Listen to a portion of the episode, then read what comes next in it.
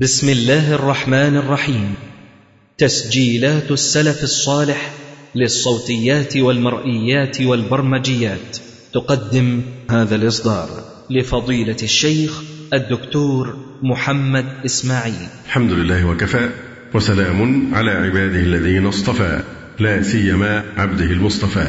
وآله المستكملين الشرف. أما بعد فإن أصدق الحديث كتاب الله وأحسن الهدي هدي محمد صلى الله عليه وسلم. وشر الأمور محدثاتها وكل محدثة بدعة وكل بدعة ضلالة وكل ضلالة في النار.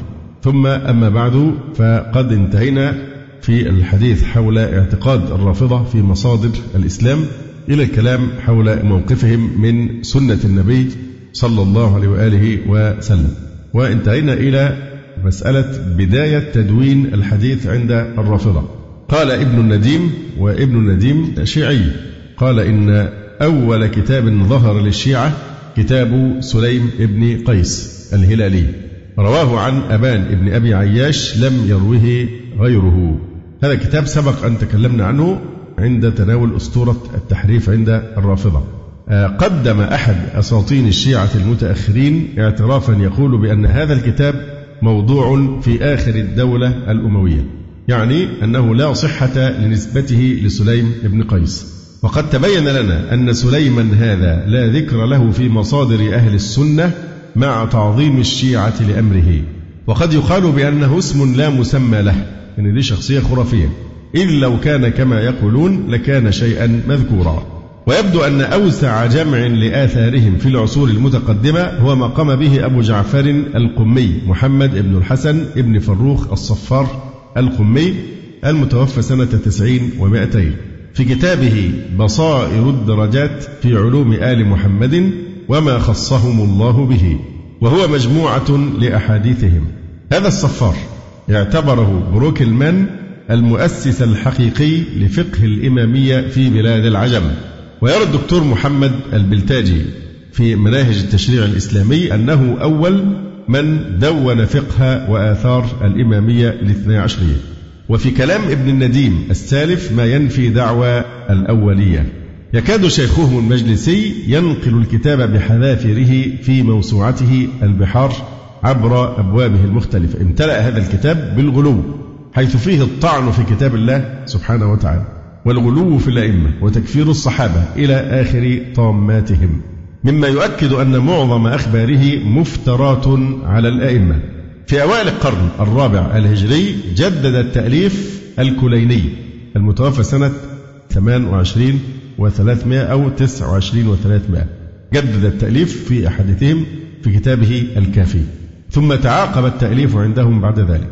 والكتب الرئيسة التي تعتبر مصادر الأخبار عند الشيعة الاثنى عشرية هي ثمانية يسمونها الجوامع الثمانية. ويقولون بأنها هي المصادر المهمة للأحاديث المروية عن الأئمة. قال عالمهم المعاصر محمد صالح الحائري وأما صحاح الإمامية فهي ثمانية. أربعة طبعا صحاح دي يعني كلمة تهويش وإلا ما يعرفون الصحة. هي كلها أكاذيب. أربعة منها المحمدين الثلاثة الأوائل هم الشيعة مغرمين بالتضخيم الإعلامي والدعائي لعلومهم وعلمائهم وشيوخهم. فيهتمون جدا بعدد المجلدات وإبراز أن مراجعهم بيبقى أحيانا في أحد المواقع يزيد عن 100 مجلد. كلها منظرة من أجل إيهام الناس أن هو دين محترم يعني وله أصول وله مراجع. وكله كذب في كذب كما سنرى. يقول الحائري من علمائهم المعاصرين وأما صحاح الإمامية فهي ثمانية أربعة منها المحمدين الثلاثة الأوائل وثلاثة بعدها للمحمدين الثلاثة الأواخر وثامنها لحسين النوري وهو معاصر. أول هذه المصادر وأصحها عندهم الكافي لمحمد ابن يعقوب الكليني. أشارت بعض مصادرهم إلى أن هذا الكتاب أصح الكتب الأربعة المعتمدة عندهم. يعني هو طبعا يشيع عند من يتكلمون في موضوع مصادر الشيعة. القول بأن الكافي عند الرافضة مثل صحيح البخاري عند أهل الإسلام. وفي الحقيقة لا هو عندهم أعظم من صحيح البخاري. لماذا؟ لأننا لا نصل إلى أقوال النبي صلى الله عليه وسلم من خلال صحيح البخاري مثلا إلا من خلال الأسانيد أما هم فإنهم يعتقدون أن كتاب الكافي له مزية خاصة وهي أنه الكليني كتبه في فترة الغيبة الصغرى بمعنى أن كان في إمكانية التواصل مع الإمام الموهوم في السرداب فكونوا ألفوا في فترة الغيبة الصغرى طبقا لعقائدهم المزيفة فإنه يمكن أن يجد الكليني طريقا للتحقق من المنقولات لأن في سهولة اتصال أو إمكانية الاتصال بالإيه؟ بالمهدي في السرداب. حتى قيل إنه يعني عرض عليه عليه وإنه قال هو كاف لشيعتنا. عشان كده سموه الإيه؟ كافي. هو كاف لشيعتنا. فهو عندهم أهم وأعظم من صحيح البخاري عند المسلمين. مع أنه الكافي هو الكتاب الوحيد. من بين الكتب الأربعة الذي ورد فيه أساطير الطعن في كتاب الله تبارك وتعالى. وبلغت أحاديث الكافي كما يقول العاملي 16099 حديثا. قد طبع عدة طبعات وشرحه عدد من شيوخهم. يقول وقد رأيت من شروحه مرآة العقول للمجلسي. وقد اعتنى المجلسي بالحكم على أحاديث الكافي من ناحية الصحة والضعف. ودي نكتة الحقيقة لما يتقال على أن كتب الشيعة تتقسم لصحيح وضعيف. ده كلام ما يدخل عقل أحد. هم لا يعرفون شيء اسمه صحة ولا ولا يعرفوا علم حديث كما سنرى. دي كلها عبارة عن محاولة لتجميل الوجه القبيح لهذا الدين. يقول دكتور القفاري وقد صحح روايات يعني المجلسي صحح روايات في الكافي هي كفر بإجماع المسلمين كروايات تحريف القرآن العظيم.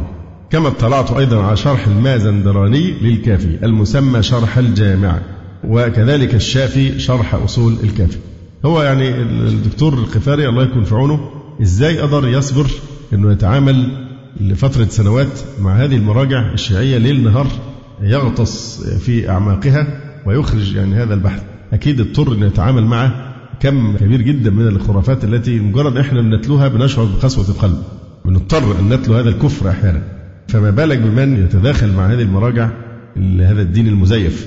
إذا أول هذه المصادر وأصحها عندهم الكافي لمحمد بن يعقوب الكليني. ثم كتاب من لا يحضره الفقيه لشيخهم المشهور عندهم بالصدوق محمد ابن بابويه القمي المتوفى سنة 81 و300 الكتاب الثالث تهذيب الأحكام.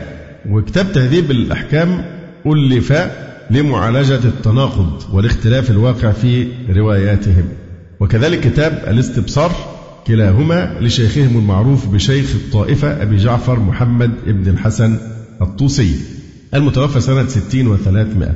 قال شيخهم الفيض الكاشاني هذا متوفى 1091 قال إن مدار الأحكام الشرعية اليوم على هذه الأصول الأربعة وهي المشهود عليها بالصحة من مؤلفها وقال أغا بزرك الطهراني من مجتهدين المعاصرين وهي الكتب هي عبارة عن الكتب الأربعة والمجاميع الحديثية التي عليها استنباط الأحكام الشرعية حتى اليوم. إذا هذه هي المصادر الأربعة المتقدمة عندهم. ثم ألف شيوخهم في القرن الحادي عشر وما بعده مجموعة من المدونات. ارتضى المعاصرون منها أربعة سموها بالمجاميع الأربعة المتأخرة وهي الوافي. في ثلاث مجلدات كبار.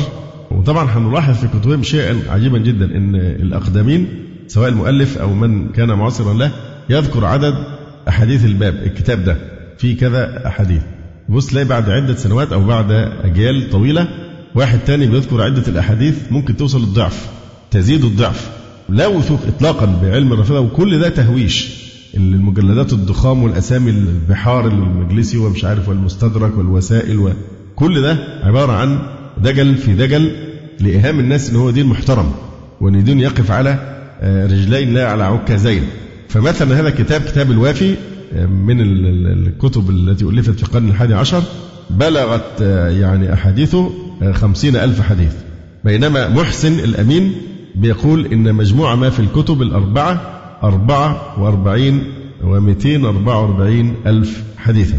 ثم يقول الوافي لشيخين محمد المرتضى المعروف بملا محسن الفيض الكاشاني وبحار الأنوار الجامعة لدرر أخبار الأئمة الطاهرة ولشيخين محمد باقر المجلسي ووسائل الشيعة إلى تحصيل مسائل الشريعة تأليف الحر العاملي ومستدرك الوسائل للحسين النوري الطبرسي. آه، هناك كتب كثيرة عندهم قالوا إنها في الاعتبار والاحتجاج كالكتب الأربعة كما ذكر ذلك المجلسي في مقدمة بحاره والحر العاملي في الوسائل. فهم خصوا الكتب السالفة بالذكر إما لأنها مجاميع كبيرة أو قد يكون لمجرد محاكاة أهل السنة وللدعاية المذهبية. يعني كتب كثيرة بس دي أصحها. يعني هي إيه؟ صحيحة بصحيح يعني.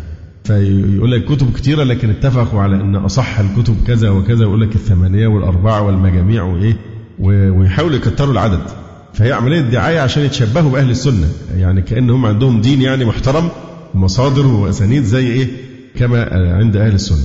فإما خصوها لأنها مجاميع كبيرة أو قد يكون لمجرد محاكاة أهل السنة وللدعاية المذهبية ومما يوضح ذلك أنه معتبر مثلا من المجاميع الثمانية المتقدمة كتاب الوافي وعدوه أصلا مستقلا مع أنه عبارة عن جمع لأحاديث الكتب الأربعة المتقدمة الكافي والتهذيب والاستبصار ومن لا يحضره الفقيه. فده أشبه بإيه مثلا؟ لما نتكلم على مشكاة المصابيح مثلا. هل ينفع مشكاة المصابيح؟ يعتبر كتاب أصول أصل زي أبي داود والترمذي والنسائي والبخاري ومسلم وكذا. لا ده بيجمع. بيجمع روايات من كتب أخرى. فنفس الشيء هذا الكتاب الوافي عدوه أصلا عشان يكتروا العدد.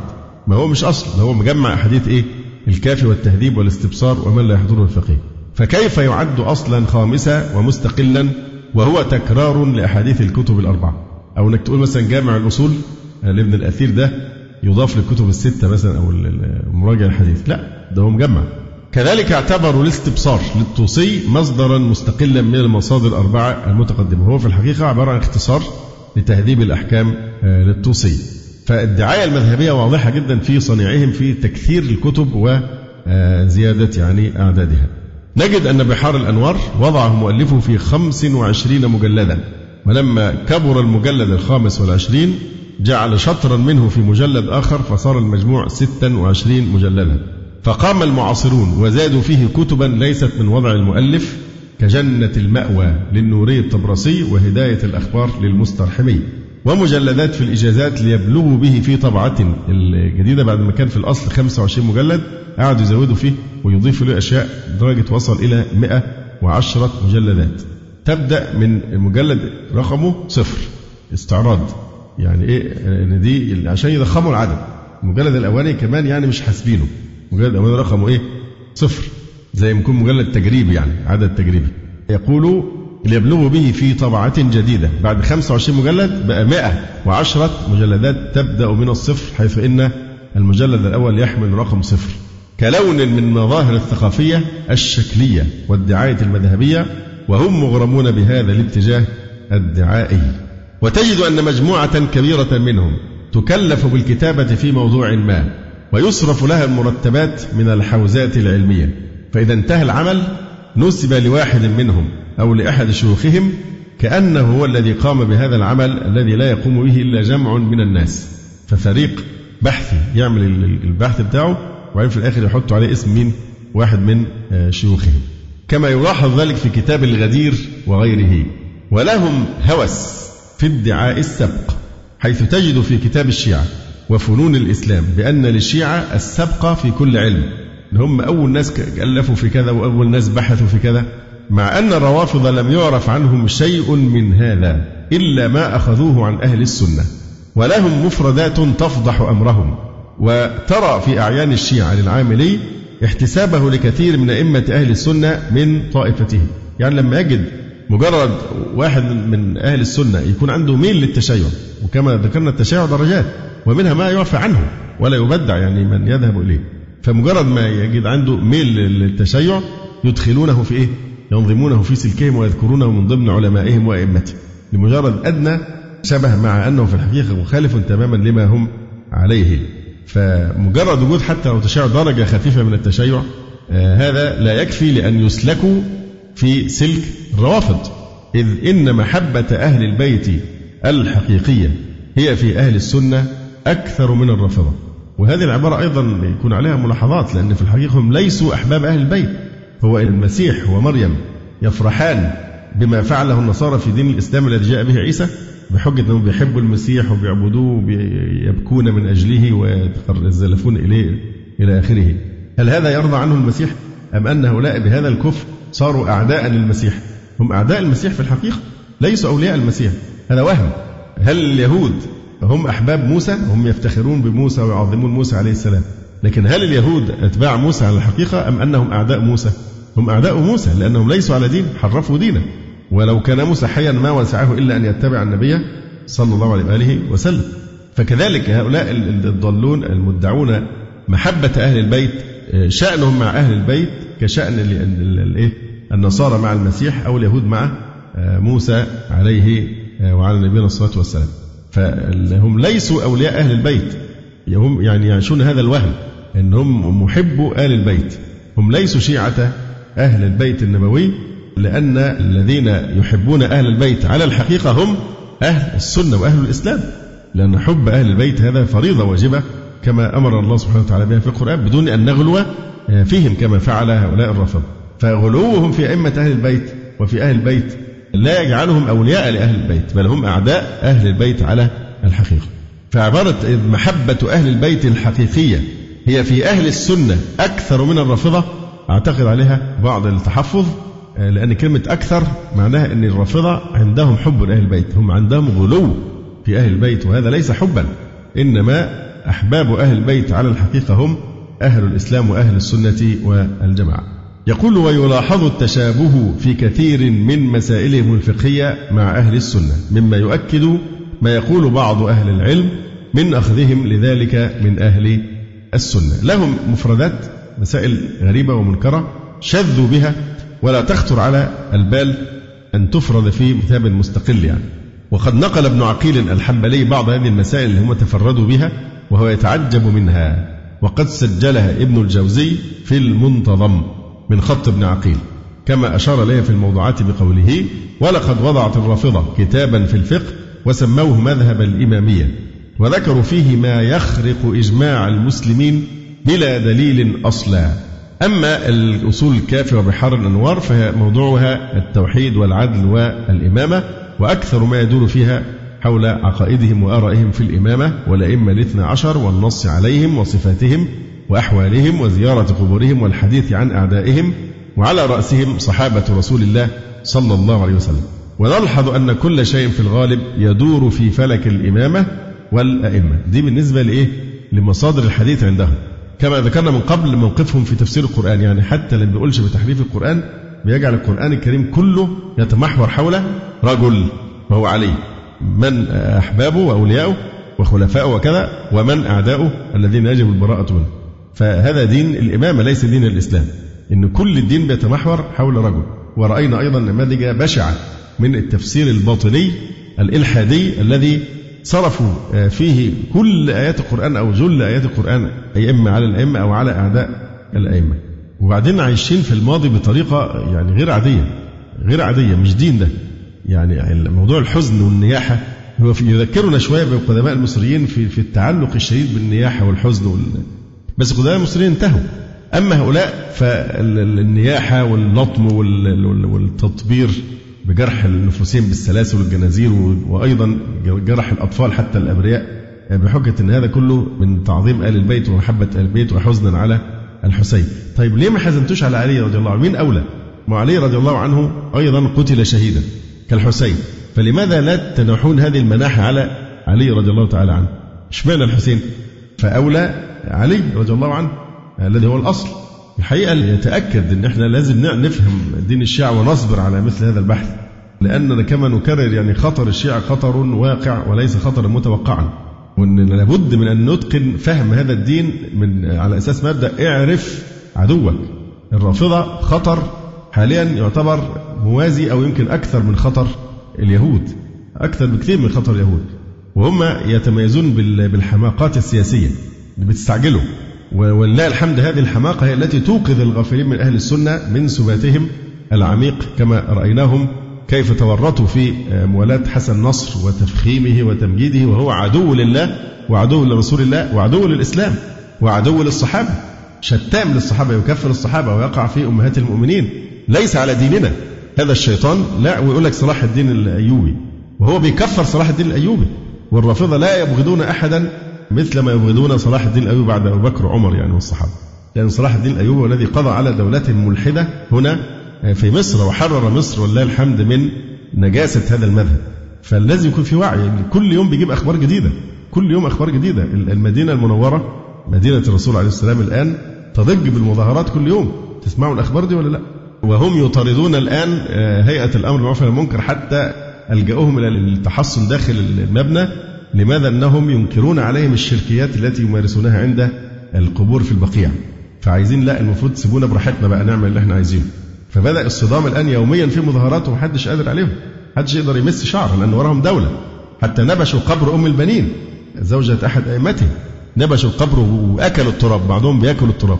موجودة في اليوتيوب كما قرأت في بعض المواضع إن من كتر الغلو بقى في القبر قعدوا ينبشوا هم ما وصلوش للجثة نفسها لكن قعدوا ياخدوا التراب ويشيلوه بيعظموا هذه الأشياء جدا ولع شديد بالقبور وبعضهم أكل التراب.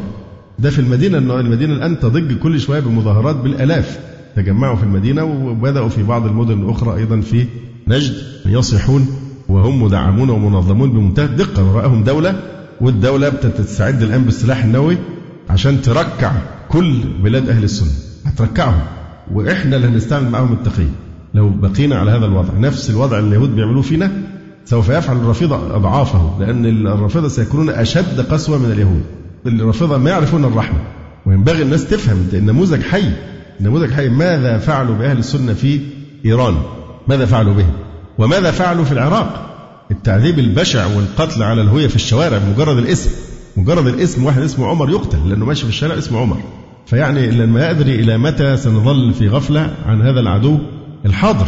الآن بيغزونا في داخل قلوبنا ويتغلغل في كثير من بلاد المسلمين بسبب أقول الطابور الخامس أقول عليهم إيه؟ الشيوخ الذين ما زالوا يعني يمعلون في خيانة الأمة. خيانة متعمدة. أم هؤلاء جهلة؟ يبقى ما كانوش ينفعوا يتصدروا. ما زالوا يمعلون ويجتهدون في الخيانة عن سبق إصرار وترصد. إن الشيعة إخواننا والشيعة مفيش فرق بيننا وبينهم ولسه المفتي من كام يوم مطلع آه، فتوى بجواز التعبد بالمذهب الرافضي يعني ممكن لو أنت حنبلي أو شافعي تتحول لدين الإمامية تتعبد بمذهبه. يعني يجوز التعبد بنكاح المتعة مثلا؟ تغسلش رجليك في الوضوء تمسح عليها كده من غير جورب ولا حاجة؟ وغير ذلك من الطمات والعقيدة أفظع وأفظع الكفريات التي في دينهم. دول نسميهم الطابور الخامس لإيران ولا إيه؟ الناس اللي ما زالت مصرة على هذا الضلال المبين. وبدل الأزهر ما يكفر عن الخطيئة التاريخية بفتوى شلتوت التي قدمت الخدمات الجليلة لدين الرافضة. إذا بهذا المفتي يعيد من جديد الثناء على فتوى شلتوت ويقول تذكروا فتوى شيخ شلتوت وأنه يجوز التعبد بهذا الدين. والبحرين والبحرين دي يعني بس يعني يصحوا من النوم بدري الشيعة ما راح ياخدوها هياكلوها سوف يلتهمونها اللي يصحى بدري يعني هيبلع البلد لأن خلاص البلد شبه يعني على وشك تلحق بالعراق. البحرين بالذات. لأنهم تكاثروا جدا عدديا ويمارسون ضغوطا والأوضاع يعني مأساوية. فهم ابتلعوا العراق خلاص.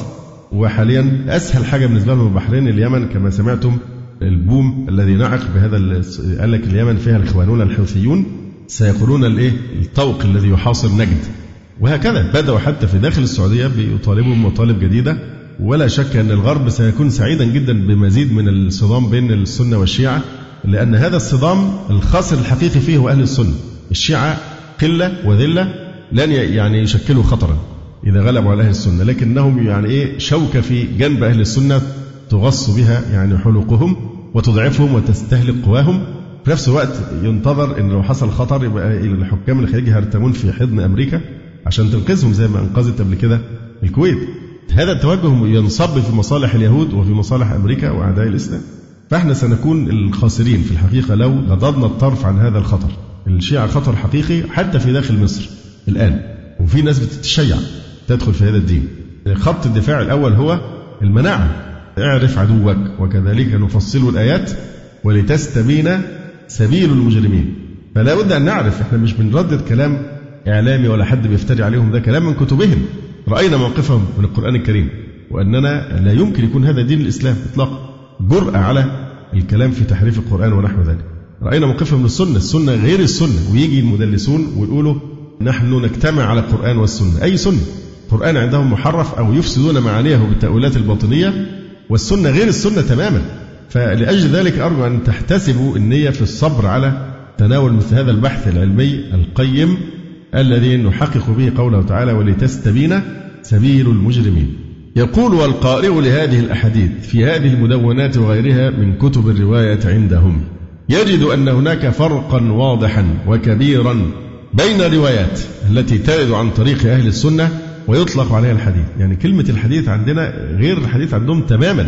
الروايات التي ترد عن طريق الشيعة ويسموها الأحاديث مصادر الأحاديث يعني نحن عندنا كتب السنة سواء كتب الستة أو غيرها إذا روت حديثا فهو منسوب إلى النبي صلى الله عليه وسلم. والحديث هو حديث قول الرسول صلى الله عليه وسلم. يرفع إلى النبي صلى الله عليه وسلم. أما كتب الحديث عند الشيعة فهي تأتي بالرواية عن أحد أئمتهم الاثني عشر ويعتقدون كما مر ألا فرق بين ما يروونه عن النبي صلى الله عليه وسلم أو عن أحد من أئمتهم. وليست السنة سنة رسول الله صلى الله عليه وسلم لكن يروونها عن الأئمة الاثنى عشر ويستجيزون أن ينسبوها إلى النبي صلى الله عليه وسلم. كما أن القارئ لكتب الحديث عندهم لا يجد إلا القليل النادر منها هو المسند إلى النبي صلى الله عليه وسلم. قليل جدا يسند للرسول عليه الصلاة والسلام. وأكثر ما يروونه في الكافي واقف عند جعفر الصادق وقليل منها يعلو إلى أبيه محمد الباقر. وأقل من ذلك ما يعلو إلى أمير المؤمنين علي رضي الله عنه ونادرا ما يصل إلى النبي صلى الله عليه وآله وسلم. كما يلحظ أن مدوناتهم الأربعة المتأخرة ألفت في القرن الحادي عشر وما بعده وآخرها ألفه النوري الطبرسي المتوفى سنة عشرين وثلاثمائة وألف وهو من معاصر الشيخ محمد عبده. وقد جمع فيه ثلاثة وعشرين ألف حديث على الأئمة لم تعرف من قبل. 23 ألف حديث لم تعرف من قبل. عثر عليها بعد إيه؟ في القرن الحادي عشر. كانت فين قبل كده؟ لا دي 23 آه، ألف حديث عن الأئمة لم تعرف من قبل. فهي متأخرة عن عصور الأئمة بمئات السنين. يقول هنا صرح بعض أصحاب هذه المدونات بأنه عثر على كتب لم تدون في كتبهم المعتمدة من قبل. فجأة كده لقوا بقى كنز ولا إيه؟ متعرفش ولقوا في كتب لم يسمع عنها من قبل إطلاقا. طبعا فتح باب الكذب بقى والدجل من جديد في روايته. يقول المجلسي اجتمع عندنا بحمد الله سوى الكتب الأربعة نحو 200 كتاب. مش الأربعة الأصول؟ ده هم بعد كده طلعوا على 200 كتاب. ولقد جمعتها في بحار أنوار. وذكر شيخهم الحر العاملي بأنه توفر عنده أكثر من ثمانين كتابا عدا الكتب الأربعة وقد جمع ذلك في وسائل الشيعة. أما شيخهم المعاصر النوري الطبرسي فهو أيضا قد عثر على كتب لم تدون من قبل رغم أنه من المعاصرين. يقول أغا بزرك الطهراني. والدافع لتأليفه عثور المؤلف على بعض الكتب المهمة التي لم تسجل في جوامع الشيعة من قبل. وجعلوا هذه الأحاديث المكتشفة والتي جمعها مستدرك الوسائل مما لا يستغنى عنه. قال آيتهم الخراساني إن الحجة للمجتهد في عصرنا هذا لا تتم قبل الرجوع إلى المستدرك والاطلاع على ما فيه من الأحاديث. فهل يعني هذا أنه قبل تأليف المستدرك لا حجة عندهم في قول شيوخهم؟ فانظر وتعجب. وقد تستمر مسيرة الاكتشافات للكتب والروايات. طبعا نلاحظ أن التدوين المتأخر هذا في القرن الحادي عشر تم في عهد الدولة الصفوية وهذا أمر مريب. يقول ولم يجمع تلك الروايات اللي هي كتب جديدة متقدموهم. ولما لم تذكر تلك الكتب وتسجل في كتبهم القديمة. اللي عايز يدون أحاديث يدونها بعد 11 قرن بعد 11 قرن. كيف لم يسجلها الكليني؟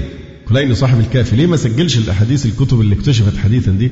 كيف لم يسجلها الكليني وهو بحضرة السفراء الأربعة سفراء المهدي. وقد سماه الكافي لأنه كاف لشيعته. ما دام كافي يبقى مش محتاجين كتب زيادة. وقد عرضه على مهديهم بواسطة السفراء. فقال المهدي كاف لشيعتنا. بل إن الطوسي قال بأنه جمع في كتابه تهذيب الأحكام جميع ما يتعلق بالفقه من أحاديث أصحابهم وكتبهم وأصولهم لم يتخلف عن ذلك إلا نادر قليل وشاذ يسير.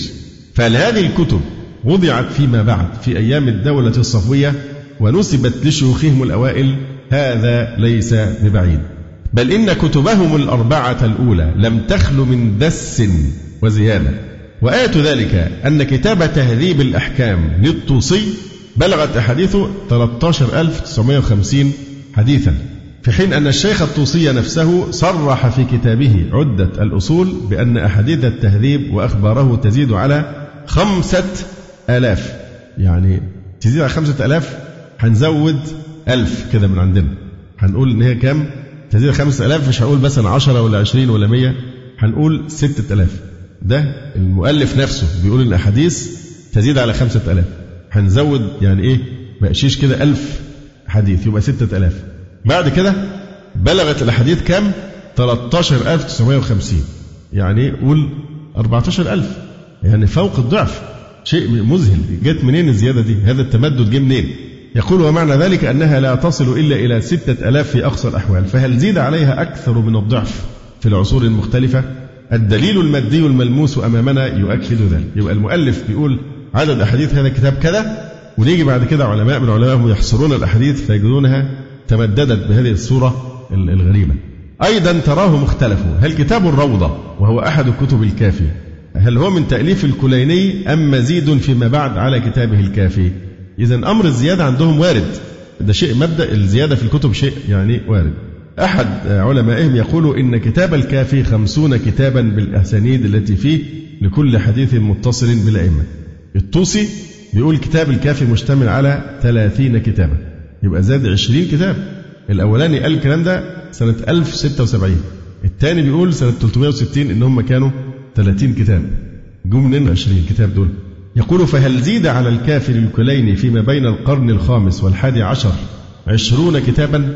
مع أن كل كتاب يضم عشرات الأبواب وكل باب يشمل مجموعة من الأحاديث. لعل هذا أمر طبيعي.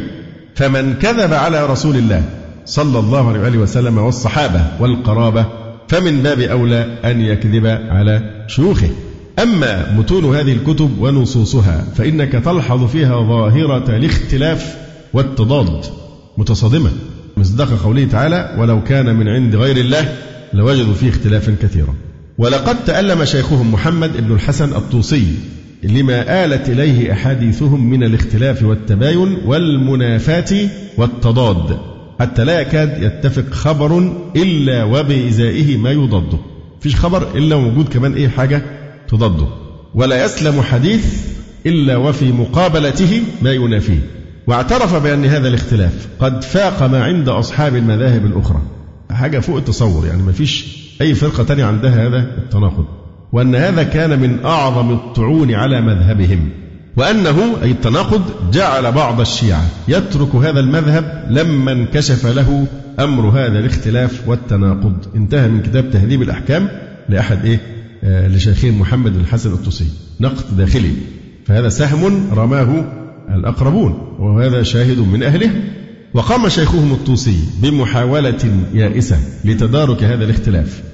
وتوجيه هذا التناقض فلم يفلح بل زاد الطين بلة حيث علق كثيرا من اختلاف الروايات على التقية بلا دليل سوى أن هذا الحديث أو ذاك يوافق أهل السنة يبقى بما أنه ثبت عن أئمتهم كلام متعارض في قضية واحدة فيجيب هو الأحاديث الموافقة لأهل السنة فيقول إن الإمام قال ذلك إيه؟ تقية. فطبعا هو زود الطين يعني بالله والواقع أنه بصنيع هذا قد كرس الفرقة وأضاع على طائفته كثيرا من سبل الهداية ومحاولته كانت في أحاديث الأحكام. أما باقي مسائل المذهب فلم يتعرض لها. والدليل المادي على أن محاولته لم تنجح هو كثرة اختلافهم وقد اشتكى بعض شيوخهم من هذه الظاهرة وهو الفيض الكاشاني صاحب الوافي أحد الكتب الثمانية المعتمدة. قال عن اختلاف طائفته تراهم يختلفون في المسألة الواحدة على عشرين قولا أو ثلاثين قولا أو أزيد. بل لو شئت أقول لم تبق مسألة فرعية لم يختلفوا فيها أو في بعض متعلقاتها. ومن الملاحظ أن اختلافهم هو اختلاف في الأحاديث أو النصوص وليس اختلافا في الاستنباط. طبعا بخلاف الخلاف عند أهل السنة. الاختلاف الأكثر بيكون في الاستنباط من الأحاديث الاجتهاد. لكن دي في في الإيه؟ في الأصول آه نفسها. ولا شك أن التناقض أمارة على بطلان المذهب وكذب الروايات وأن ذلك ليس من عند الله. لقوله سبحانه ولو كان من عند غير الله لوجدوا فيه اختلافا كثيرا. وقد عزت بعض روايتهم ظاهرة الاختلاف إلى كثرة الكذب على الأئمة. أيضا هذا سهم رماه الأقربون هذا من كتبهم. إن الاختلافات الكثيرة دي نشأت عن أن ناس كتير بتكذب على أئمتهم هذا الفيض بن المختار يشكو لأبي عبد الله كما تقول روايتهم كثرة اختلافهم ويقول ما هذا الاختلاف الذي بين شيعتكم؟ إني لأجلس في حلقهم بالكوفة فأكاد أن أشك في اختلافهم في حديثهم. فقال أبو عبد الله هو ما ذكرت يا فيض؟ إن الناس أولعوا بالكذب علينا إن الناس أولعوا بالكذب علينا وإني أحدث أحدهم بالحديث. فلا يخرج من عندي حتى يتأوله على غير تأويله. وذلك أنهم لا يطلبون بحديثنا وبحبنا ما عند الله وإنما يطلبون الدنيا وكل يحب أن يدعى رأسا. إذا كثرت شكاوى الأئمة من كثرة الكذابين عليهم. حتى تروي كتب الشيعة عن جعفر الصادق رحمه الله أنه قال إن لكل رجل منا رجلا يكذب عليه. كل واحد يتخصص في الكذب على إمام من أئمة أهل البيت. دي تخصصه. يقول جعفر الصادق إن لكل رجل منا رجلا يكذب عليه. وقال إن المغيرة بن سعيد دس في كتب أصحاب أبي أحاديث لم يحدث بها. فاتقوا الله ولا تقبلوا علينا ما خالف قول ربنا وسنة نبينا صلى الله عليه وآله وسلم. يعني أئمتهم يتبرؤون من كذبهم ودجلهم. يقول وقد كثرت شكاوى الأئمة من كثرة الكذابين عليهم وقد حف بهم ولا سيما جعفر الصادق مجموعة من المتآمرين والمتكسبين والمحتالين وكانوا يستقبلون بعض الوفود القادمة من أصقاع العالم الإسلامي ويأكلون أموالهم باسم الأئمة ويقدمون لهم تواقيع مزورة باستلامهم ويحدثون عنهم بما لم يقولوا. يقول المغيرة بن سعيد كما تروي كتب الشيعة دسست في أخباركم أخبارا كثيرة تقرب من مئة ألف حديث. ده في كتب الشيعة لهذا الاعتراف عن المغيرة بن سعيد. دسست في أخباركم أخبارا كثيرة تقرب من مئة ألف حديث. واحد بس ألف واخترع مئة ألف حديث الشيعة ونسبها إلى الأئمة. وعن الصادق قال إن إن أهل بيت صادقون. لا نخلو من كذاب يكذب يكذب علينا فيسقط صدقنا بكذبه. كثرة الكذب علينا تخلي الناس مش عارفة تميز بين الصدق والكذب فيرفضون إيه؟ كل أحاديثنا. حتى الحق الذي نقوله بيسقط بسبب ما فعله هؤلاء الناس. يقول جعفر الصادق رحمه الله إن أهل بيت صادقون لا نخلو من كذاب يكذب علينا فيسقط صدقنا بكذبه. وعن يونس أنه قال وافيت العراق. فوجدت قطعة من أصحاب أبي جعفر وأبي عبد الله عليهما السلام متوافرين فسمعت منهم وأخذت كتبهم وعرضتها من بعد على أبي الحسن الرضا فأنكر منها أحاديث كثيرة وقال إن أبا الخطاب كذب على أبي عبد الله لعن الله أبا الخطاب وكذلك أصحاب أبي الخطاب يدسون من هذه الأحاديث إلى يومنا هذا في كتب أصحاب أبي عبد الله عليه السلام فلا تقبلوا علينا خلاف القرآن. هذا في كتب الشيعة. فإذا وضعت مع هذه النصوص اللي هي أئمة أهل البيت أنفسهم يعني يشتكون من كثرة كذب هؤلاء الكذابين عليهم. فإذا ضممنا إلى ذلك شهادة أئمة السنة جميعا. أئمة أهل الحديث وجهابذته حينما شهدوا بكذب الروافض. أنهم أكذب خلق الله. لو سألت الكذب ما جنسيتك لقال رافضي شيعي. فالكذب حرفة. لا يستطيعون أن يعيشوا هم يتنفسون كذبا ويأكلون كذبا ويخرجون كذبا. كل حياتهم كذب في كذب وهو دين عبارة قائم على الأساطير والخرافات والدجل.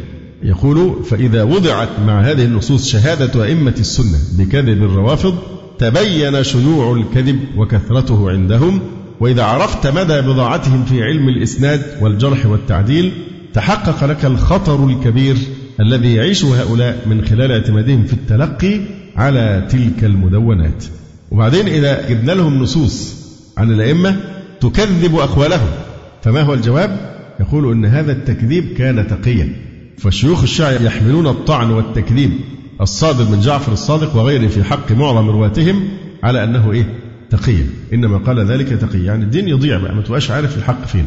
واستمع إلى شريك بن عبد الله القاضي رحمه الله يصف الأقوام الذين التصقوا بجعفر وادعوا الرواية عنه كما تنقل ذلك كتب الشيعة نفسها. قال أبو عمرو الكشي قال يحيى بن عبد الحميد الحماني في كتابه المؤلف في إثبات إمامة أمير المؤمنين رضي الله عنه. قلت لشريك إن أقواما يزعمون أن جعفر بن محمد ضعيف الحديث. فقال أخبرك بالقصة كان جعفر بن محمد رجلا صالحا مسلما ورعا. فاكتنفه أي أحاط به. قوم جهال يدخلون عليه ويخرجون من عنده ويقولون حدثنا جعفر بن محمد. ويحدثون بأحاديث كلها منكرات كذب موضوعة على جعفر. ليستأكلوا الناس بذلك عشان ياخذوا أموال الناس. ويأخذوا منهم الدراهم. كانوا يأتون من ذلك بكل منكر. فسمعت العوام بذلك فمنهم من هلك ومنهم من أنكر. يبدو أن الإنكار كان من طائفة من المتقدمين إذ إن المتأخرين لا سيما في العهد الصفوي وما بعده قد أصبحت الأساطير الكثيرة التي تروى عن جعفر جزءا من عقائدهم بلا نكير. أما معاني هذه الروايات ومادتها فإن فيها ما يحكم المرء بوضعه بمجرد النظر في متنه. ده إحنا الكلام ده لو بصينا في الأسانيد هتجد الكذب والوضع والافتراء على الأئمة. طيب نبص في المتون. متن يقشعر جلدك أول ما تسمعه. لا يمكن أن يكون هذا علما أو وحيا أو نحو ذلك.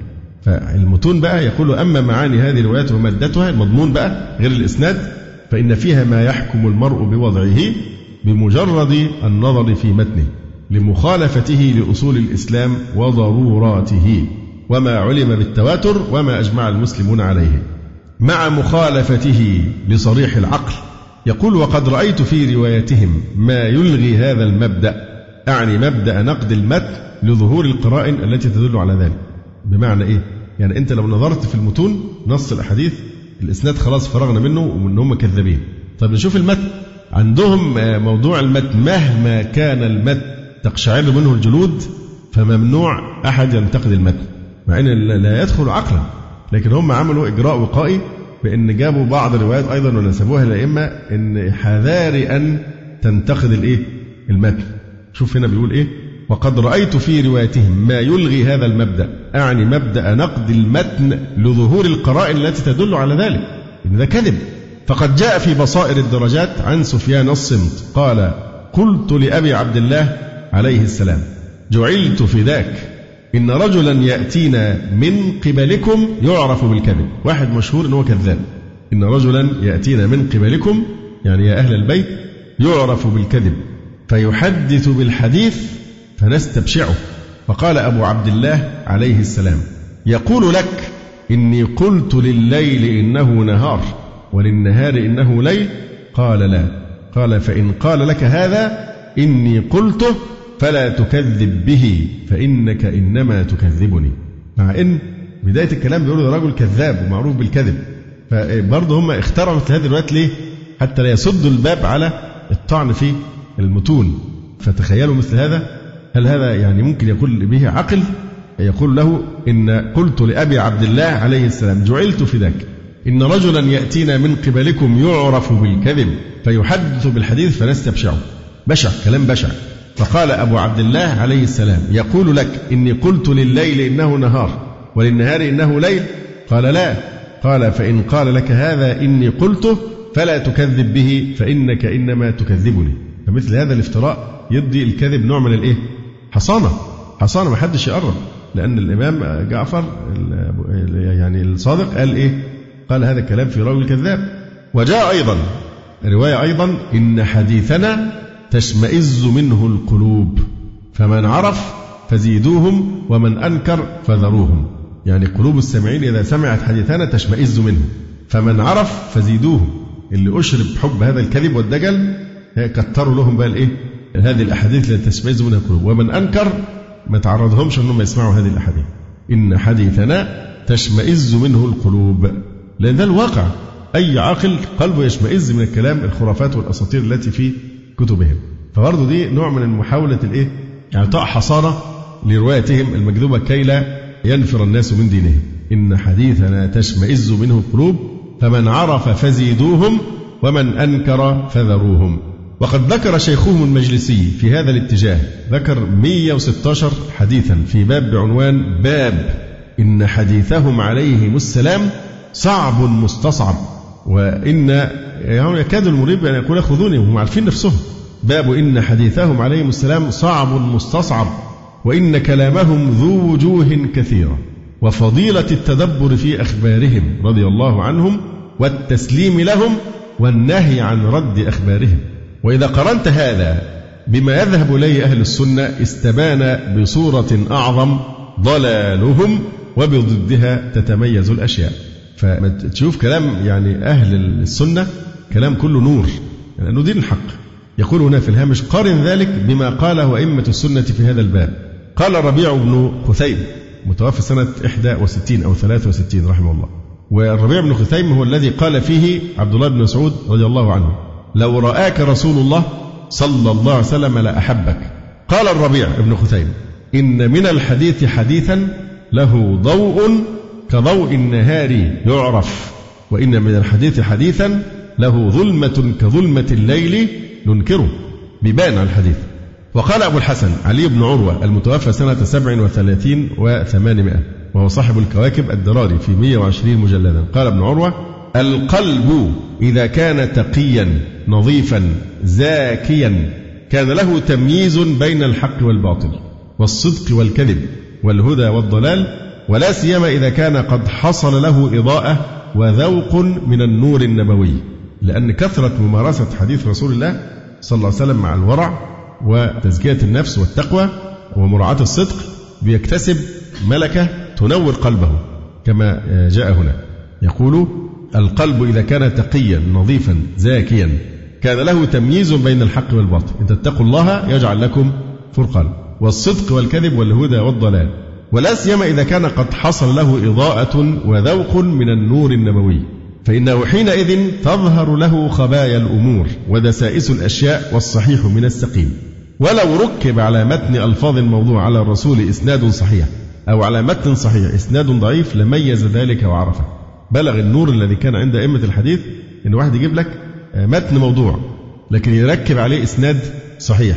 فمن شدة البصيرة عند العلماء الحديث يكتشفون هذا بسهولة جدا وقصة امتحان أهل بغداد للإمام البخاري في ذلك أعظم دليل على ذلك. أو واحد يجيب حديث صحيح ويركب عليه إسناد مظلم. يكتشفوها بسهولة جدا. يعني, يعني ليه؟ لماذا؟ كثرة ممارسة علم الحديث يعني النبوي. يقول فإن ألفاظ الرسول صلى الله عليه وسلم لا تخفى على عاقل ذاقها. وقد اعتنى أئمة الحديث بالمتن كما اعتنوا بالإسناد ووضعوا علامات لمعرفة الحديث الموضوع بدون النظر إلى إسناده. وهذا علم من أخفى وأدق العلوم يعني علم نقد الحديث هو ممكن نقد الحديث حتى لو صح السند. لكن هذه الموجودة لطبقة خاصة جدا من من العلماء طبقة نادرة من الأئمة الذين لهم حق نقد الحديث دون النظر في الإسناد. يقول وعامة علوم الحديث تعرضت لذلك. قال ابن دقيق العيد وأهل الحديث كثيرا ما يحكمون بالوضع باعتبار أمور أخرى ترجع إلى المروي وألفاظ الحديث.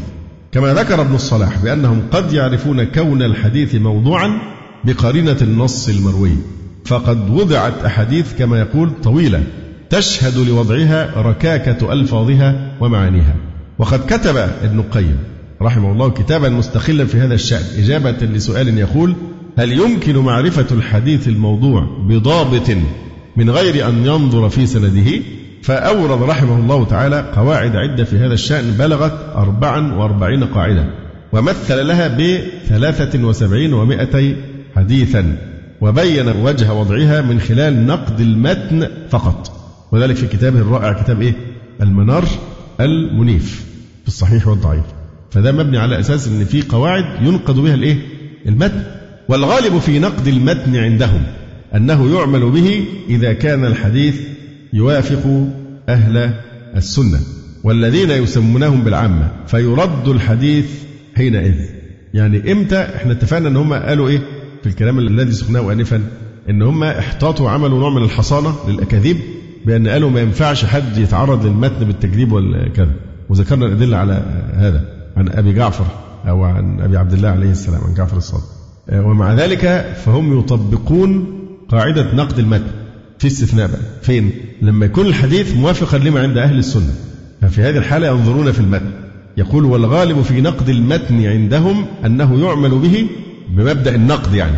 مش يعمل بالحديث يعمل بمبدأ نقد المتن. إذا كان الحديث يوافق أهل السنة والذين يسمونهم إيه؟ العامة. فيرد الحديث حينئذ لأن القاعدة عندهم بتقول إيه بقى؟ أن مخالفة العامة كما تقول روايتهم فيها الرشاد.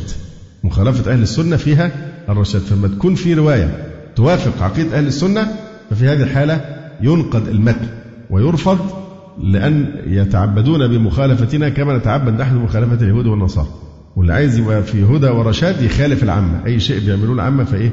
يخالفه فيزدادون بهذا ضلالا على ضلالهم مع أنه قد جاء عن بعض الأئمة وفي كتب الشيعة نفسها لا تقبلوا علينا خلاف كتاب ربنا إلا أن هذا المبدأ لم يعمل به شيوخهم بل إن الأصل الذي أمر الأئمة بالرجوع إليه وهو القرآن قد كثرت أساطيرهم التي تتعرض له. أما مدى صحة هذه الروايات عندهم والتي تضمنتها تلك المدونات والتعرف على أسانيدهم ورجالهم الذين ارتضوا روايتهم عن الأئمة وأقسام الحديث عندهم ومقاييس نقد السند لديهم فهذا موضوع هام وكبير يستحق أن يكتب فيه كتابات مستقلة. وذلك لأهميته في كشف حقيقة هذه المدونات أمام المخدوعين والمغفلين وتعرية الباطل واكتشاف الأيدي السبائية التي أسهمت في صنع هذا الضلال ونسبته لبعض علماء أهل البيت. وهو مبحث واسع الأطراف متعدد الجوانب لا يكفي هذا الحيز لتفصيل القول فيه فسنعرض بالعرض المجمل والإشارة واللمحة. يناقش أولا مدى صحة روايات هذه المدونات؟ الكتب الكبيرة دي بتاعتهم 120 مجلد ولا مش عارف إيه. ما مدى صحة هذه؟ نبدأ نطبق عليها القواعد العلمية. يقول لقد جاء على لسان جملة من أعلام أهل السنة بأن الرافضة من أعظم الطوائف افتراء للكذب وتكذيبا للصدق. يجمعون بين القبيحتين. الكذب يفترون الكذب ويكذبون الصدق. وحينما قال ابن المطهر فإن لهم أحاديثهم التي رواها رجالهم الثقات. ده مين؟ ده اللي هو كان بيناظر آه، شيخ الإسلام. كان يلقب عندهم بالعلامة المطهر الحلي. يقول في الشيعة إن لهم أحاديثهم التي رواها رجالهم الثقات. فرد عليه شيخ الإسلام ابن تيمية رحمه الله. من أين لكم أن الذين نقلوا هذه الأحاديث في الزمان القديم ثقات وأنتم لم تدركوهم ولم تعلموا أحوالهم ولا لكم كتب مصنفة تعتمدون عليها في أخبارهم التي يميز بها بين الثقة وغيره ولا لكم أسانيد تعرفون رجالها طبعا رد مفحم لأن أهل السنة حينما يتناولون تحقيق الأسانيد وهناك علم الرجال وهناك كتب في غاية الدقة والتفصيل في أحوال الرجال وكل تفاصيل حياتهم وأدق الأشياء عنهم فتوجد وسيلة للتحقق من إيه؟ من صحة الأسانيد. أما هو لما يجي واحد في القرن السابع ويقول إن الشيعة لهم أحاديثهم التي رواها رجالهم الثقات فهو هيتكلم مع مين ده؟ بيتكلم مع شيخ الإسلام. فشيخ الإسلام ما فوتش الكلمة رد عليه بيقول له إيه؟ من أين لكم أن الذين نقلوا هذه الأحاديث في الزمان القديم القرن الثالث مثلا؟ أو الثاني ثقات. منين؟ وأنتم لم تدركوهم. لأنتم بينكم وبينهم إيه؟ مفاوز. قرون. أنتم لم تدركوهم ولم تعلموا أحوالهم ولا لكم كتب مصنفة. اللي هي البديل بقى. البديل عن التواصل المباشر بالرواة. الكتب. كتب الطبقات والرجال وكذا. جرح والتعديل ولم تعلموا أحوالكم ولا لكم كتب مصنفة تعتمدون عليها في أخبارهم التي يميز بها بين الثقة وغيره. ولا لكم أسانيد تعرفون رجالها. يقول المؤلف ولكن هل أئمة الإسلام على علم بهذه المدونات الحقيقة أنه لم يكن للأمة المسلمة مصادر في التلقي معروفة مشهورة غير أمهات مصادر المسلمين من الصحاح والسنن والمسانيد؟ والملحوظ أن أئمة الإسلام الذين لهم عناية بأمر الروافض كالأشعري وابن حزم وابن تيمية لم يرد عنهم في حدود تتبعي ذكر لأسماء هذه المدونات. وبالأخص أخطر كتابا لهم وهو أصول الكافي. رغم أن صاحبه قد توفي سنة 29 و300 فهل مرد ذلك إلى أن تلك المدونات سرية التداول بينهم؟ أو بسبب احتقار علماء الإسلام لهم فإنهم لم يلتفتوا إلى كتب الحديث عندهم. ما حدش من علمائنا الأقدمين جاب سيرة الكافي والبحار المجلسية ومش عارف مستدرك الوسائل كل هذا الكلام المدونات اللي ذكرناها في الأول دي. ما حدش ذكرها خالص. لا ابن حزم الناس اللي هي كانت متخصصة في نقد الشيعة زي ابن حزم والأشعري وابن تيمية. فإما حاجة من الاثنين إما أن الكتب اللي كانت موجودة وبتتداول في السر نظرا لعلو كلمة أهل السنة وانخناس الشيعة. فكانت تتداول في السر ولذلك لم يطلع عليها علماؤنا. أو أن العلماء سمعوا عنها ولكنهم أعرضوا عنها احتقارا لها لما تحتويه من الكذب ولم يلتفتوا إلى هذه الكتب. أو أن هذه الكتب صنفت في عصر الدولة الصفوية ثم نسبت إلى شيوخهم الأوائل. ممكن تكون صنفت في عصر الصفويين في القرن الحادي عشر الهجري ثم بعد ما ألفوها نسبوها لمين؟ للشيوخ الأوائل. فقد جاء في أصول الكافي ما يفيد أن كتب الحديث عندهم كانت موضع التداول السري بينهم. ولهذا لم تكن متصلة السند بسبب ظروف التقية كما يدعون. يقول نص الكافي إن مشايخنا رووا عن أبي جعفر وأبي عبد الله عليهما السلام. وكانت التقية شديدة فكتموا كتبهم ولم تروى عنهم. فلما ماتوا صارت الكتب إلينا. قال أحد أمتهم حدثوا بها فإنها حق. كده خلاص تبقى حق مع أنك بتعترف أن مفيش أسانيد. وبيحتاجوا أن التقية هي اللي خلت الكتب دي تتداول فين؟ في السر. نلحظ أيضا في بعض الروايات الأمر بكتمان هذا النص وعدم إذاعته عند غير أهله. دي حاجات سرية. كما في خبر لوح فاطمة المزعوم. وفي آخره قال إمامهم لو لم تسمع في دهرك إلا هذا الحديث لكفاك فصنه إلا عن أهله. وفي عصر السيوطي قام أحد الروافض يدعو إلى الاحتجاج بالقرآن فقط دون السنة. وألف السيوطي في الرد عليه كتاب مفتاح الجنة في الاحتجاج بالسنة. فلما لم يدعو هذا الرافضي إلى كتب أصحابه؟ يعني هو الرافضي ده اللي في عصر السيوطي اللي كان بيقول احتجوا بالقرآن فقط مفيش حاجة اسمها سنة ما نحتجش بالسنة. طيب ليه هو ما قالش احتج بالقرآن وبكتبنا؟ المدونات دي كلها لماذا؟ لما لم يدعو هذا الرافضي إلى كتب أصحابه. قد يلتمس من هذا الصنيع أنه يتكتم عليها. وعلى أي حال لم يكن لكتبهم ذلك الذيوع والانتشار إلا بعد ظهور الطباعة وتفشي أمر الرافضة. ولعل أولى الإشارات لمصادر الشيعة الأربعة الأولى جاءت في كتاب النواقض في الرد على الروافض حيث ذكر بأن من هفوات الروافض إنكارهم كتب الأحاديث الصحاح التي تلقتها الأمة بالقبول وإيمانهم بمقابل ذلك بأربعة كتب جمع فيها كثير من الأكاذيب مع بعض الأحاديث وأقوال الأئمة. وصاحب النواقض المسمى آه، وهو مخدوم الشيرازي من القرن العاشر. لما تلاحظ أنه بيتكلم شوف بيقول من هفوات الروافض إنكارهم كتب الأحاديث الصحيحة التي تلقتها الأمة بالقبول. ومن أظلم ممن افترى على الله كذبا أو كذب بالحق لما جاء. تكذيب الصدق وافتراء الكذب على الله. فهنا يقول مخدوم الشيرازي إنكارهم كتب الأحاديث الصحاح التي لقتها الأمة بالقبول وإيمانهم بمقابل ذلك بأربعة كتب حتى ما كلفش نفسه يقول أساميها احتقارا لها وإيمانهم بمقابل ذلك بأربعة كتب جمع فيها كثير من الأكاذيب مع بعض الأحاديث وأقوال الأئمة. وهو أي مختوم الشيرازي من القرن العاشر. فلا يعني هذا ظهور أمر هذه المدونات لأن الشيرازي هذا عاش في وسط الرافضة واضطر أن يتلقى تعليمه بينهم فعرف من أمورهم كما يقول ما يخفى على الكثير. أما مدى صحة ما في هذه المدونات في نظر هذه الطائفة؟ فهم في هذا فريقان.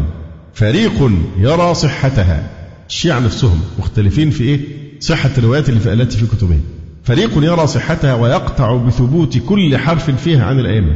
وفريق يرى أن فيها الصحيح وغيره. يبين ذلك شيخهم الممقاني فيقول إن كون مجموع ما بين دفتي كل واحد من الكتب الأربعة من حيث المجموع متواترا مما لا يعتريه شك ولا شبهة. بل هي عند التأمل فوق حد التواتر. ولكن هل هي متواترة بالنسبة إلى خصوص كل حديث؟ وبعبارة أخرى هل كل حديث وكلمة بجميع حركاتها وسكناتها الإعرابية والبنائية وبهذا الترتيب للكلمات والحروف على القطع أم لا؟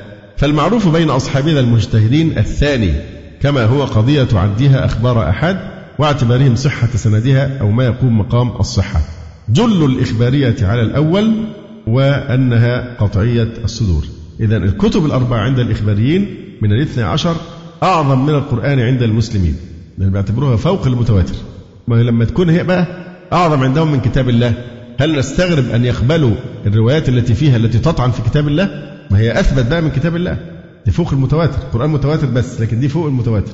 فمن ثم فتح لهم الشيطان إنه طبيعي بقى لما واحد يرى أن الكتب دي أوثق من كتاب الله وأصح إن تقبل الروايات التي فيها طعن في القرآن الكريم.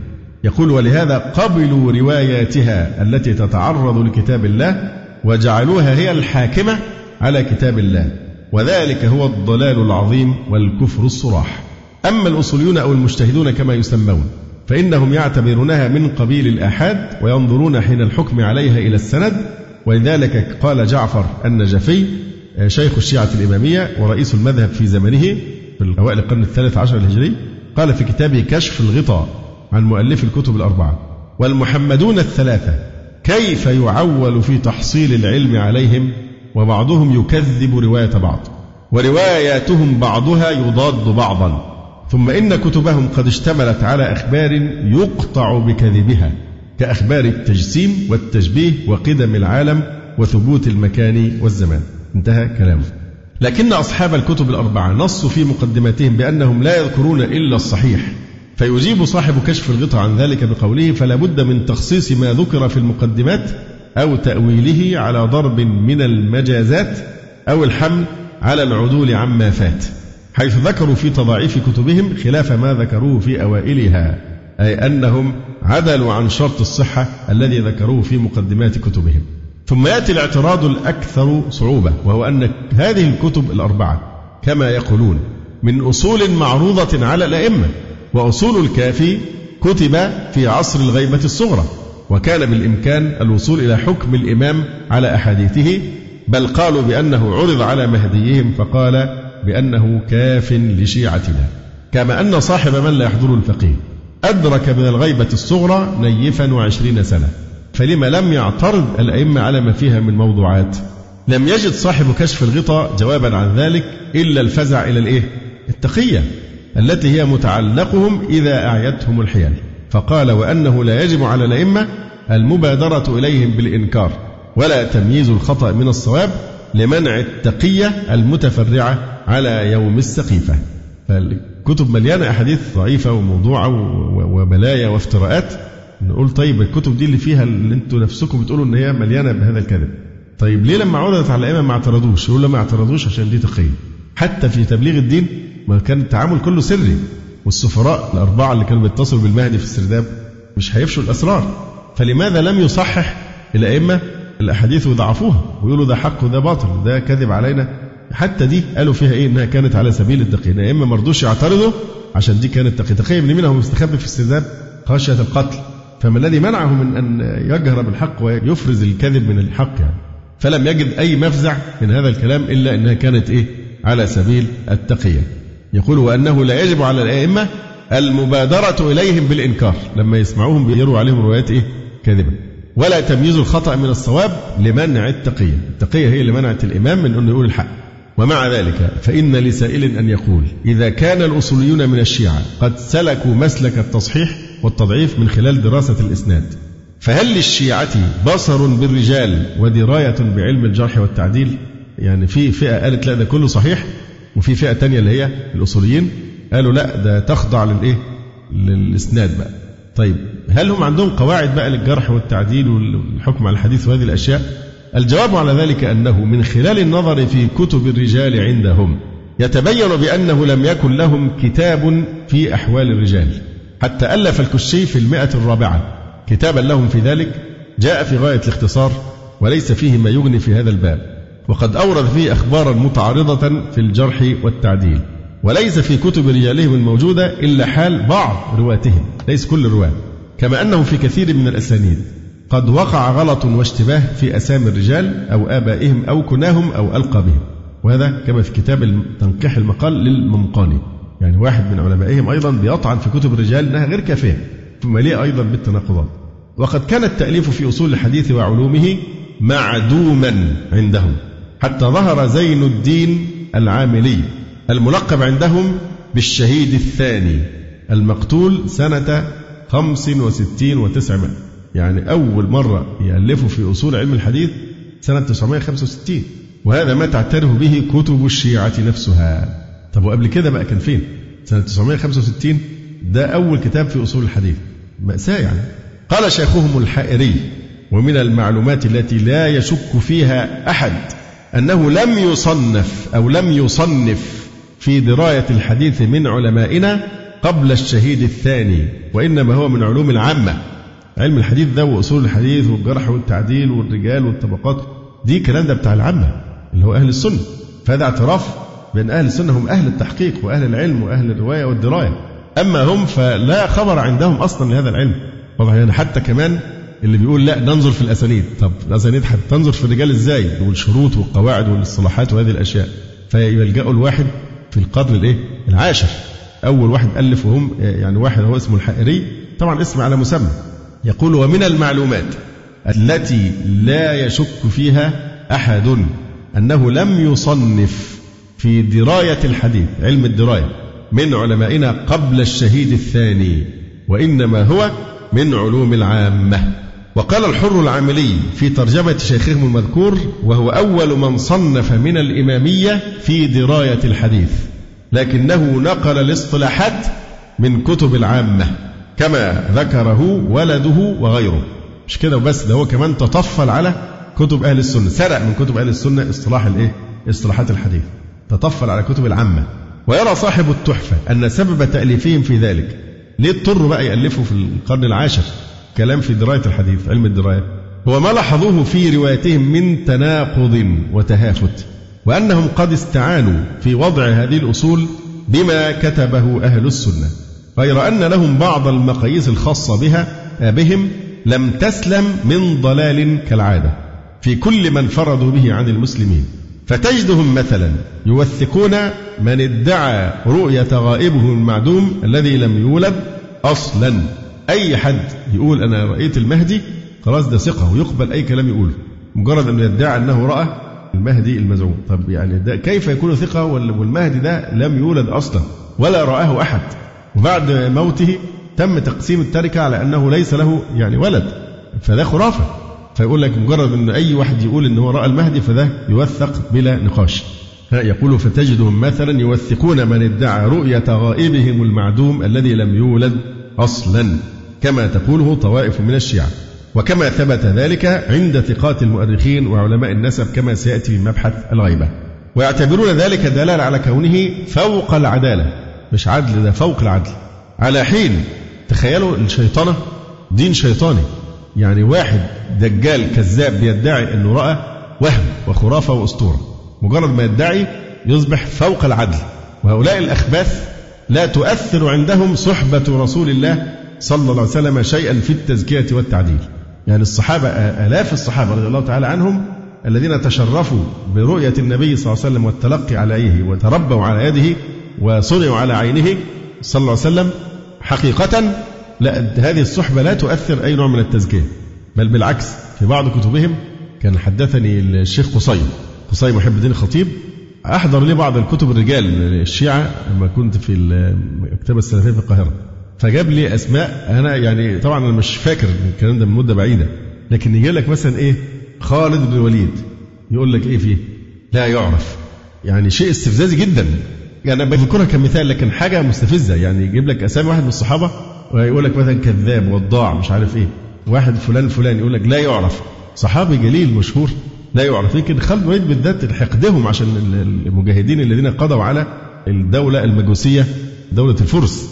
فهم في حقد شديد جدا بالذات كمان على عمر بن الخطاب لأنه فتح في عهده بلاد فارس. ففي حقد شعوبي.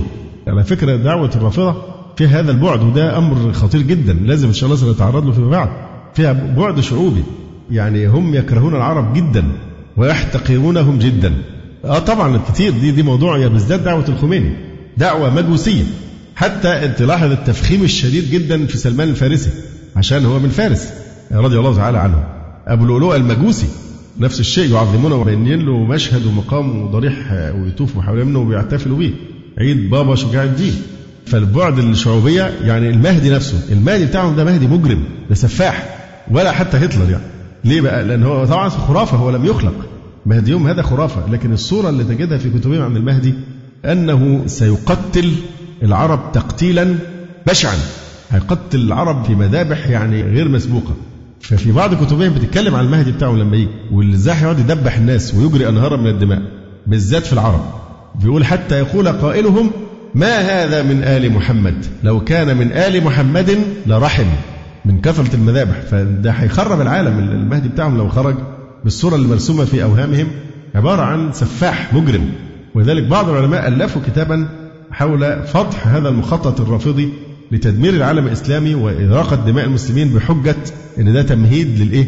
لخروج المهدي. فالبعد البعد المجوسي مهم جدا. يعني دولة إيران وثورة الخميني ثم تاريخ الشيعة فيه هذا البعد المجوسي والاعتزاز بالفارسية وكراهية العرب واحتقار العرب. مع أن حب العرب هو من علامات الإيمان يعني تشرفا بانتسابهم إلى النبي صلى الله عليه وسلم لذلك تجد عوام السنة في بلد بس زي تركيا ولا بنجلاديش ولا لو واحد عربي راح ويعرفوا إنه عربي بيقعدوا يقبلوا إيديه ورجليه ويتمسحوا في, في ثيابه يعني طبعا ده مش صح لكن الشاهد إيه؟ مجرد إنه يرى أحد من العرب الذين جاء منهم النبي صلى الله عليه وسلم. حب العرب والعروبة هذا جزء من الإسلام. كل محب الإسلام يحب اللغة العربية ويحب العروبة للانتماء إلى النبي صلى الله عليه وآله وسلم. يقول آه، تجدهم مثلا يوثقون من ادعى رؤية غائبهم المعدوم الذي لم يولد أصلا ويعتبرون ذلك دلالة على كونه فوق العدالة على حين لا تؤثر عندهم صحبة الرسول صلى الله عليه وسلم شيئا في التزكية والتعديل كما سلف فهم بهذا يجعلون الكذب والضلال دليل العدالة لأنه هو لما يقول أنا شفت المهدي ده أنه كذاب لأنه مفيش مهدي فيبقى الكذب والضلال دليل على أنه فوق العدالة. وعدوا برهان العدالة أمارة على الكذب. فانظر وتعجب. برهان العدالة هو إيه؟ صحبة النبي صحبة الصحابة للرسول صلى الله عليه وسلم. وآيات القرآن الكريم والأحاديث التي تزكي الصحابة تزكية لا تحوجهم أبدا إلى أن يأتي رجل بعدهم فيزكي أو يجرح. قطعا الصحابة كلهم عدول ولا يحتاجون لتعديل أحد بعد تعديل الله إياهم فأمارة العدالة الثناء على الصحابة رضي في القرآن وفي السنة جعلوها أمارة على الكذب. فانظر وتعجب. ويوثقون الكليني الذي أخرج أساطير تحريف القرآن وأوسع لها في كتابه الكافي. ولذلك قال عنه الكاشاني في تفسيره الصافي والنوري الطبرسي. في فصل الخطاب ومحمود النجفي الطهراني في قوامع الفضول بأنه كان يقول بتحريف القرآن. وقال أبو زهرة فإن من هذا اعتقاده فليس من أهل القبلة. ولذلك هم بيكفروا الشيخ محمد أبو زهرة رحمه الله. فإن من هذا اعتقاده أن القرآن محرف فهذا ليس من أهل القبلة ليس من أهل الإسلام. لا حظ له في الإسلام. وده التلاعب بتاعهم في الألفاظ. طب أنتم بتقولوا لا القرآن ما بين الدفتين ولا نقول بتحريف القرآن. ماذا تقولون في من يروي أساطير تحريف القرآن كالكليني يبقى طلعوا تصريح أنه كافر. لا حظ له في الإسلام. أبدا ما يفعلون مثل هذا. ومع ذلك يقول ابن مطهر الحلي بأنه الكليني بقى من أوثق الناس في الحديث وأثبتهم اللي بيروي روايات تحريف القرآن الكريم. بينما يعدون القول بالقياس الذي هو من مبادئ الفقه الإسلامي قدحا في الرجل عندهم تترك روايته من أجله. فانظر كيف يوثقون الكفار ويردون روايات المسلمين. ومن كان على غير مذهب الإمامية فروايته لا ترتقي للصحة عندهم كما سيأتي في تعريف الصحيح عندهم. ولكن الإمامية مقبولة روايته ولو كان مذموما على لسان الأئمة. لو إمامي على مذهبهم تقبل روايته ولو كان مذموما على لسان الأئمة. بل صرح ابن المطهر الحلي بأن الطعن في دين الرجل لا يوجب الطعن في حديثه. طبعا فتح للكذب على مصراعي فإذا كانت هذه بعض مقاييسهم فما حال رجالهم؟ هذا هو الموضوع الذي يأتي من بعده حيث يبدأ في الكلام على رجال إسنادهم. نكتفي بهذا القدر أقول قولي هذا وأستغفر الله لي ولكم. سبحانك اللهم ربنا وبحمدك أشهد أن لا إله إلا أنت أستغفرك وأتوب إليك. جزى الله فضيلة الشيخ خير الجزاء. ونسأل الله جل وعلا أن يرفع مكانة الشيخ في المهديين وأن يجعله علما من أعلام الهدى والدين. ولا تنسونا وتنسوا الشيخ من دعوة صادقة بظهر الغيب. وتقبلوا تحيات إخوانكم في تسجيلات السلف الصالح بالإسكندرية. هاتف رقم صفر ثلاثة فاصل أربعة تسعة أربعة سبعة ستة خمسة اثنان. والتليفون محمول صفر عشرة واحد ستة أربعة واحد تسعة ثمانية صفر. والسلام عليكم ورحمة الله وبركاته.